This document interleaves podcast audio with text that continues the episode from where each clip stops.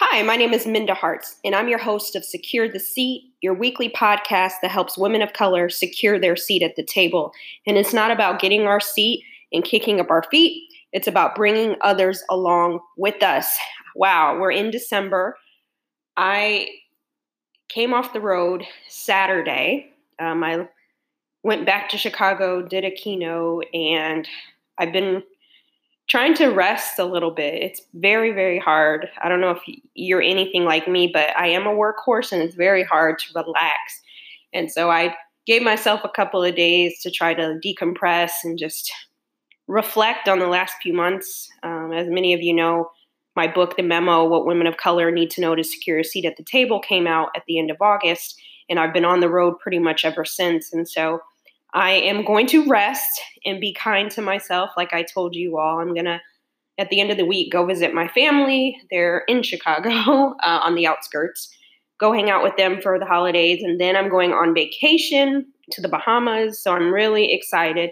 This is my first time um, taking a cruise. I have not, I've never done a cruise before. so this is the first time. So if you all have any, tips or tricks on cruise life. Um, it's only a, I think, five day cruise uh, to the Bahamas. So I'm, I'm just excited to decompress and prepare for whatever 2020 has in store for all of us. I'm proud of you. Uh, I hope that you had a good year and you start to reflect. I know in the book, I have a section um, where you can create your career blueprint. So I hope you, if you listen to it on Audible, I would encourage you to also get the physical book because there's a lot of resources and templates inside the physical book. So if you know anyone who could benefit from that, a great stocking stuffer, if I do say so myself. um, but think about it as you're thinking about the next year. I know people like to have vision board parties, but what would it look like if you had a blueprint party? A, you know, setting the tone. How are our careers going to work for us in 2020? Uh, but I just want to say thank you. So much gratitude for how all of you have shown up for me uh, in the work that I do, and it, and it means so much to me. Thank you isn't even the best word to articulate how I feel about what I've experienced the last few months. I did not expect the memo to be a bestseller. I was hoping, right, that it would, but there's still a lot of people that don't know about the book. But I'm very thankful for each of you who've left a review on Amazon or Goodreads. Those make a difference and so, got some really interesting things to talk to you about in 2020, but I'm going to save those for for the new year. But today we're going to end the crypto blockchain series with Dean Tanya Evans.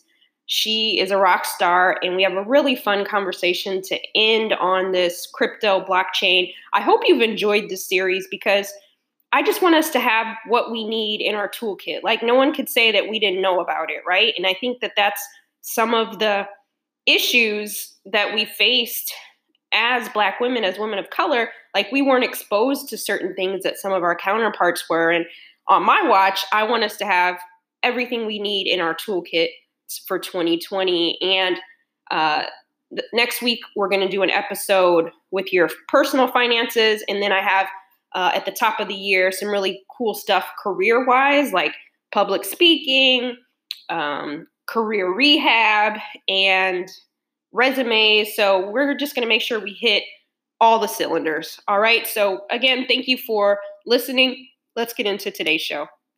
Okay. Tanya, welcome to Secure the Seat. How are you? I'm great. How are you doing? I'm doing well. I'm so excited to to have you on the show and and and talk talk that talk. Absolutely. I'm, um, I have a great deal of love and respect for all that you are doing. I'm so proud of you. I'm rooting you on virtually always. And I'm glad that we connected and that we may- remain connected. So I'm really excited. Thank you. And thank you for your support. I truly appreciate it. And before we get started, tell our listeners a little bit more about you. So, I am an associate dean of uh, academic affairs at UNH Franklin Pierce School of Law. I created and I direct our blockchain cryptocurrency and law online certificate program. Uh, I practiced law for 10 years before I started teaching. I'm a, a, tenured professor now, so I've been in legal academia for 13 years. But uh, I practiced at big firms, then with my mother, who's a patent attorney, so she's also in the IP space. Uh, but with all of those things, I've always been an entrepreneur at heart. And so I found that academia is one of those few places where you could get some good W 2 while you um, have a great deal of autonomy and, and can continue some entrepreneurial pursuits as well. So uh, I'm a podcast host myself for Lit Intersect, excuse me, uh, Tech Intersect, and the Lit podcast with uh, a business partner, Shantavia Johnson. So I'm doing many things, all the things, but uh, busy, busy, but blessed. Amen. and we'll make sure that we have all of that, all of your podcasts and what you're doing and working on in the show notes so people can follow you and support you and hire you, whatever. Um, you have a lot going on, but I'm sure that there's ways that people can can support different facets of the work that you do. And I'm really excited to talk to you because we're finishing out uh, a series on crypto and blockchain, and I could not – finish the series without talking to you. And I just wanted to know I know that there aren't many women of color and Black women um, at the crypto and blockchain table. Take us on a journey on how you got involved. So I heard the first rumblings of, uh, I think that your audience is aware, and if you're new to the show, um, the Bitcoin was the first type of real cryptocurrency to take hold. Uh, that was launched in 2009. I didn't know anything about it at that time, and I don't have a technology background. Um, some in finance, but not in technology, specifically in that space. Around um, 2016 and certainly 2017, that was around the time where there was a great deal of interest pointed toward uh, Bitcoin in particular because it was uh, fast moving uh, what happened in December two, uh, 2017, where it reached an all time high of just shy of 20,000 USD per coin. Um, and, and we're talking about something that started as um, less than a, a, dollar or ten dollars worth of USD, all the way to twenty thousand dollars. So, needless to say, not just those in the crypto space, but also the average person was hearing more about it. What I knew of it at the time sounded like drug money, dark web, highly problematic. I am highly risk adverse myself. Just uh, my legal brain is risk adverse, and, and, so I didn't really want to have anything to do with it. But around that time, the fall of 2017, someone who I have a great deal of respect and admiration for, shout out to Crystal Houston, she was starting to explore some blockchain technology and crypto uh, issues in a, in a working group. And they were really not focused on crypto, but on blockchain and the technology, the rails of cryptocurrency and other uses. And I found that interesting. Um, it was also uh, around the time when the VC world was taking notice as well. There are all these, uh, what we call initial coin offerings. People basically wrote a white paper, had no project, no team to speak of, but they were having these astronomical raises in not just the millions, but the billions of dollars. So that always, money always gets my attention. I don't uh, chase money, but I don't mind if I fall into a pile of it every now and then. Mm-hmm. and so that certainly got my attention. And then finally, uh, I am a, a, lifelong learner. I'm always curious. I'm often an early adopter of technology. And I'm also keenly aware of all of the uh, legal issues that surface as a result of all the attention on the ICO space, um, the, the shroud of secrecy in some sense or uncertainty uh, around crypto. And so I wanted to understand the regulatory issues. Um, there were just so many legal issues regulatory, tax, certainly intellectual property. I'm an intellectual property lawyer by training. Uh, open source software issues. And so all of my legal synapses were firing. And then I thought two things really. What does this mean for the legal industry and certainly the next lawyer? But then also what this means for my community, because it really is an exciting time to be on the, the front lines for the first time in, in the recent history of, of our ability to participate on something so um, important that we have the opportunity to participate in on the ground level. And we really have the chance to not be left behind in this industrial revolution in the way that we've been left behind before. I love that. And I think it's so important for us to to know that it doesn't have to be um, like you said, this scary place, this like quasi drug money place. Like we can right. be a part of it. We can. Um, it doesn't hurt to gain knowledge about these things. And even in this series, you may still not be convinced that you need to go and participate, but at least you're aware of what it is. And I hope you'll be inspired to to learn more. So thank you so much. Now, if the dean told you she got into it, it must be okay to, right. to put your toe in, put your Absolutely. in. Um, and so the other thing I wanted to, you mentioned the kind of the next industrial re- revolution. Many of us know about blue collar and white collar jobs, but what does it mean when you say new collar jobs as it pertains to the future of work, especially around blockchain and cryptocurrency? And the other part of that question is what might some of those jobs be or what might they entail? So the term white collar was a is a term that was coined by IBM CEO Ginni uh, Rometty, I believe is the the way to pronounce it, and it is, as you suspect, this play on white collar, which is professional, and blue collar, generally known as skilled labor. And so I take it to mean the skilled professional. I think that's really where we are at this point. It's the combination uh, of the two that you have the professional world and the skilled labor world. But now at the intersection of that is this idea of skilled professional. And there are a number of ways to define new collar. So, generally, if you were to look it up on the interwebs, um, it refers to, I guess, the wave of new jobs and careers that focus more on skill sets than formal education. And we're talking about big name companies that are making this move to CNBC last year reported that Google, Apple, IBM, and at least a do- dozen other companies no longer require employees to have a college degree. And it doesn't hurt to have a degree, of course, but you absolutely also have to come with specific skills. And those are the types of things that are all too often not taught in college and postgraduate schools, including law schools. Is the dean telling you again? I really do think that that, that legal education and education in general has to, to change to meet the demands of where business is and where it's going for sure. And for example, IBM now looks at candidates who have actual hands on experience through coding boot camps or industry related vocational classes. Uh, they're looking at product managers and uh, project and product, I should say, both are really hot right now certainly anyone with coding experience, there are no shortage of opportunities across the board. Um, but they really, uh, when I use the term new collar, I think more specifically about jobs and careers related to what I call Web 2.0 right now, and certainly uh, Web 3.0 technologies like blockchain, crypto assets, artificial intelligence, machine learning, VR or, or virtual reality, augmented reality, the Internet of Things, so all of our connected devices talking to each other.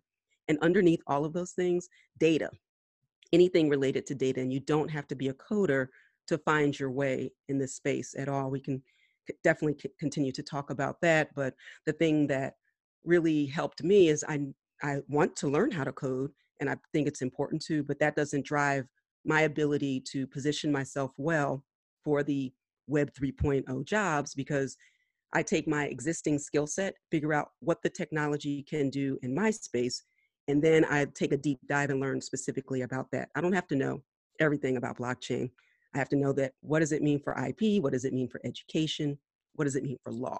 So if you start where you are with what you're already doing in your uh, existing areas of expertise and figure out what the technology means for you in that space, that's a real moment of empowerment.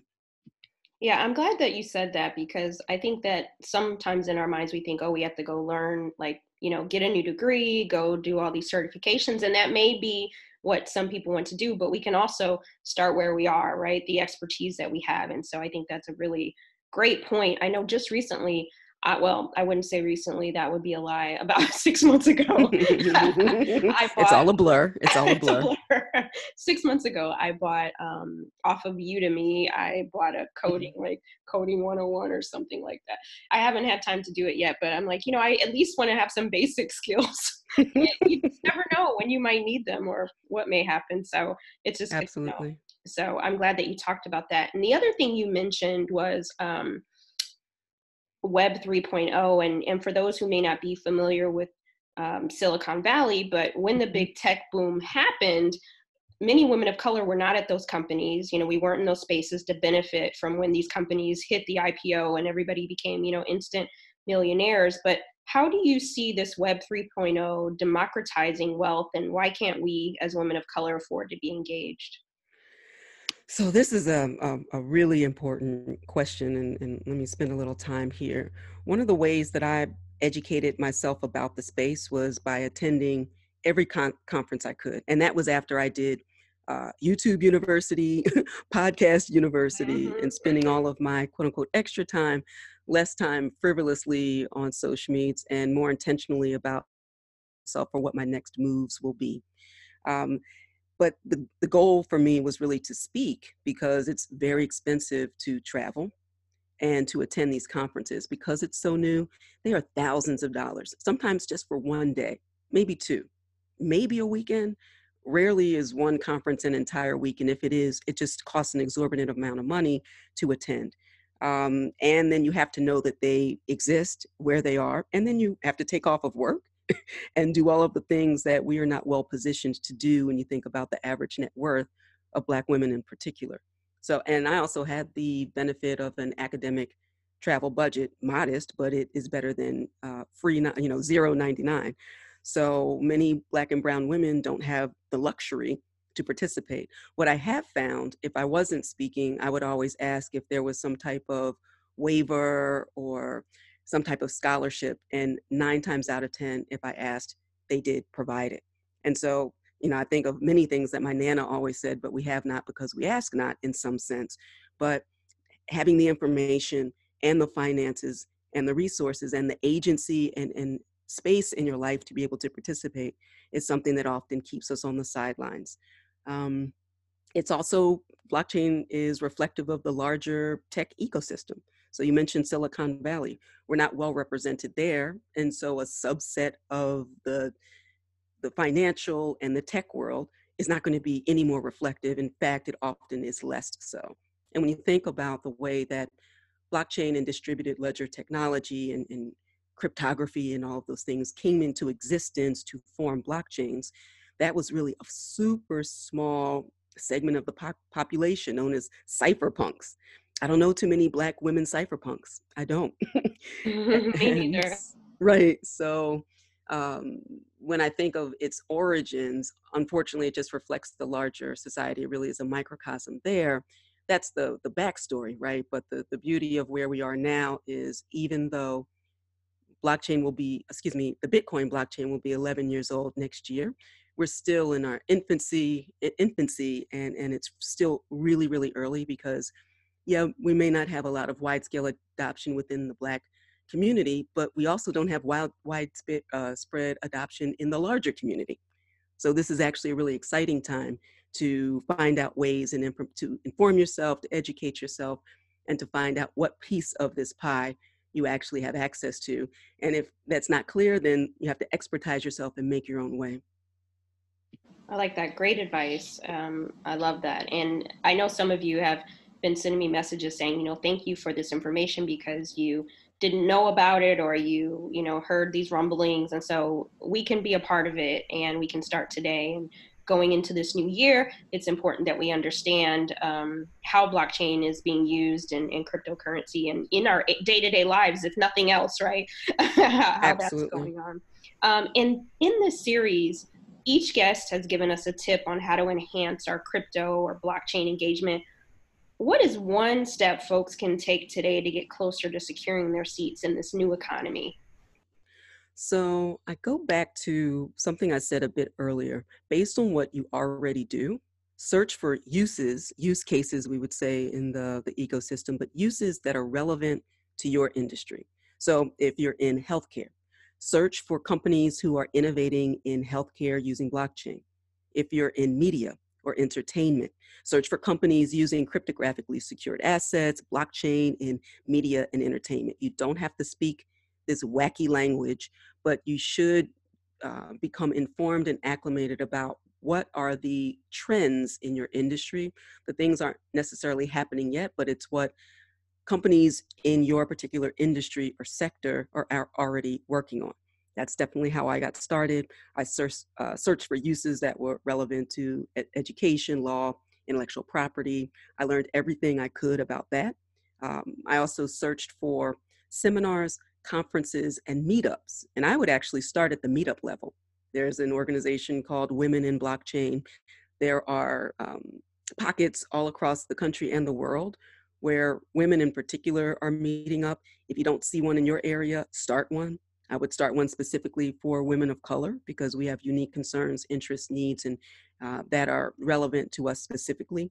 And those are free ways and low cost ways to start at the education level. I never speak to anyone about you must buy cryptocurrency. I happen to believe you should. This is not legal or financial advice.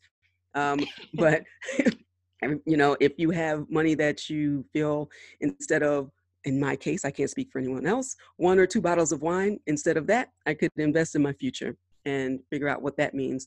Uh, and the process of that gave me greater confidence to one, learn more and to feel like I was really participating in something important. So, uh, again, if, if the spaces don't exist yet, and I know that you speak a lot about this as well, making your own way, making your own space, uh, develop the sufficient expertise that then you expertise yourself and become the expert. But it really starts with um, your existing expertise so that you feel like you have some type of solid foundation on which to upskill and add new skills. Wow, that's really great. I appreciate that. And even as you were talking, I was thinking we should just be, we talk about, you know, securing our seat. We should be doing that in all aspects of our industry, following the trends, right? So, right. not just with crypto and blockchain, but also just in your industry. So, if you want to be relevant and remain relevant, keeping track, and maybe this is even something you can go to your manager and say, hey, I know that we haven't um, delved into, you know, blockchain but i'm really interested right. in learning about it. You know could i go to a seminar? You know this is a way that you might even be a leader in this space within your own organization. Create that seat so absolutely absolutely that's exactly what i did even you know my, my law school is a top 80 law school we're top five in the nation in ip but we and we are branching above and beyond ip to really focus on data um, and and everything that's related to data data is the new oil right so um, that's a really important part. But once I was doing all of the deep dive into learning everything that I could at the basically the winter of 2017, when we came back in January, she sent around an email that uh, there was a last minute opening two weeks from now. She needed someone to go over to Thailand to speak about Web 3.0 subjects and on the list AI, um, drones, I think was on there, bioinnovation, and blockchain. And when I saw it, I answered that email in about four or five minutes flat. I remember it was on a Sunday. I was watching AM Joy. I was drinking my green tea. There may have been a mimosa involved. We don't know.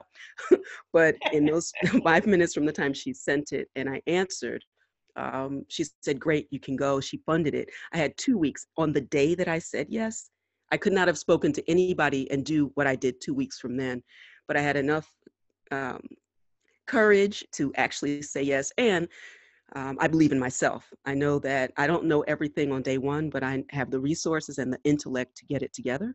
And in most instances, particularly on these discrete topics, I may not know everything, but I usually know more than most in the room, especially if they're going to fly someone clear across the world in order to speak to mm-hmm. law firms and lawyers about it. It was very successful. That was my first major conference, and the rest is history. So it really can happen. Um, I have some additional resources, free resources at my website for additional educational opportunities, but there's so much information out there. And uh, I hope that this will pique your listeners' interest to at least take those first initial steps to learn more. Yes, and while we're here, where can they find you? Where can they read about you? we'll segue right into that. right?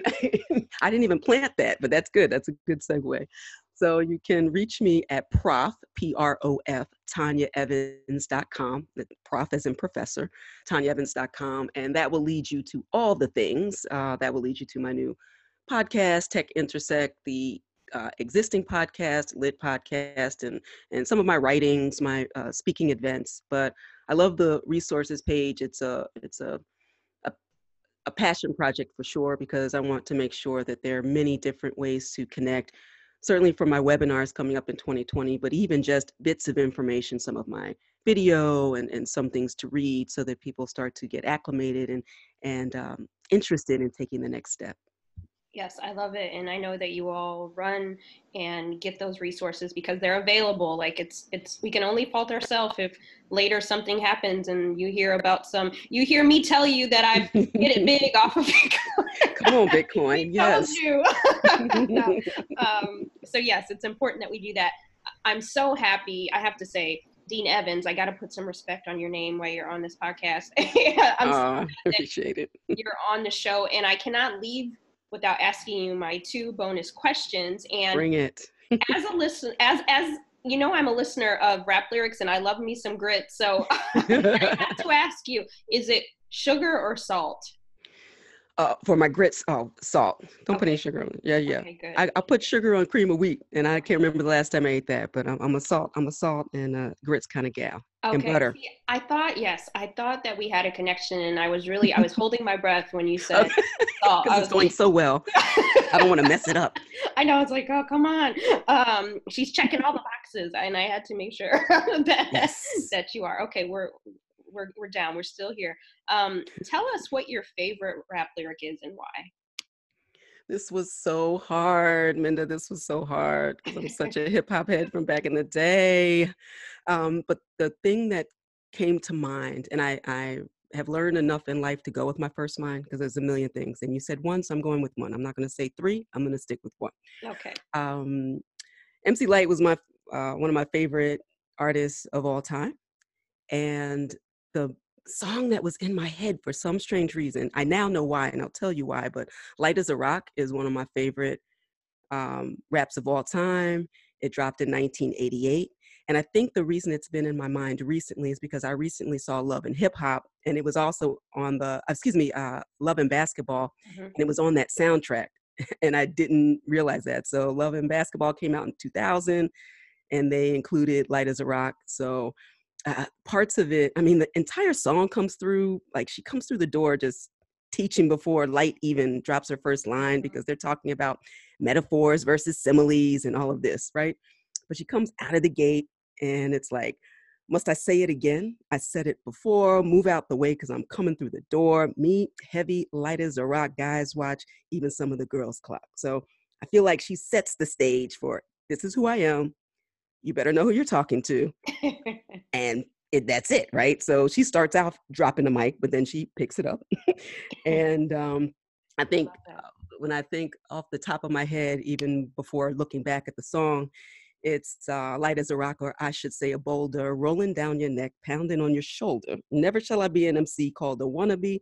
I am the Lyte, L Y T E. And then there's so many other beautiful lyrics that come through the song at the end um, she has an authentic moment where she says, The world ultimate, I'm here to take the title. But I had a little trouble upon my arrival, but I got rid of those who tried to rock me. Lyte is here, no one can stop me. I am the Lyte. And so I think spiritually, I think like it's just like all the things, the confidence, uh, the moments of when you first arrive on the scene, you might not have everything together, but once you quickly get it together, uh, there's actually a lot of power in letting people know every day is not 100 but you can show up 100% whatever that is so for all the reasons uh, that that would be my rap lyric of choice. Oh that was perfect and i'm gonna have to go back and listen because please you, do. you pulled some like some sermons on the mount through, yes does that work yes thank you that was like the original I said what I said, right? that is the original I said what I said. Get that meme. Catch that one. yes, I love that. Um, and the show is called Secure the Seat. What does that mean to you? Oh boy. It's um I think of it there's so many things, but again, my first mind, I, I think of it not as a destination, but a process for me for sure um, definitely a journey, and it's certainly not linear. Um, when I think of, or when I hear it in my mind, because I hear words, I, I'm a lover of the written and spoken word. Secure, I actually in my head hear securing, and it reminds me of of what Queen Michelle Obama speaks of in Becoming.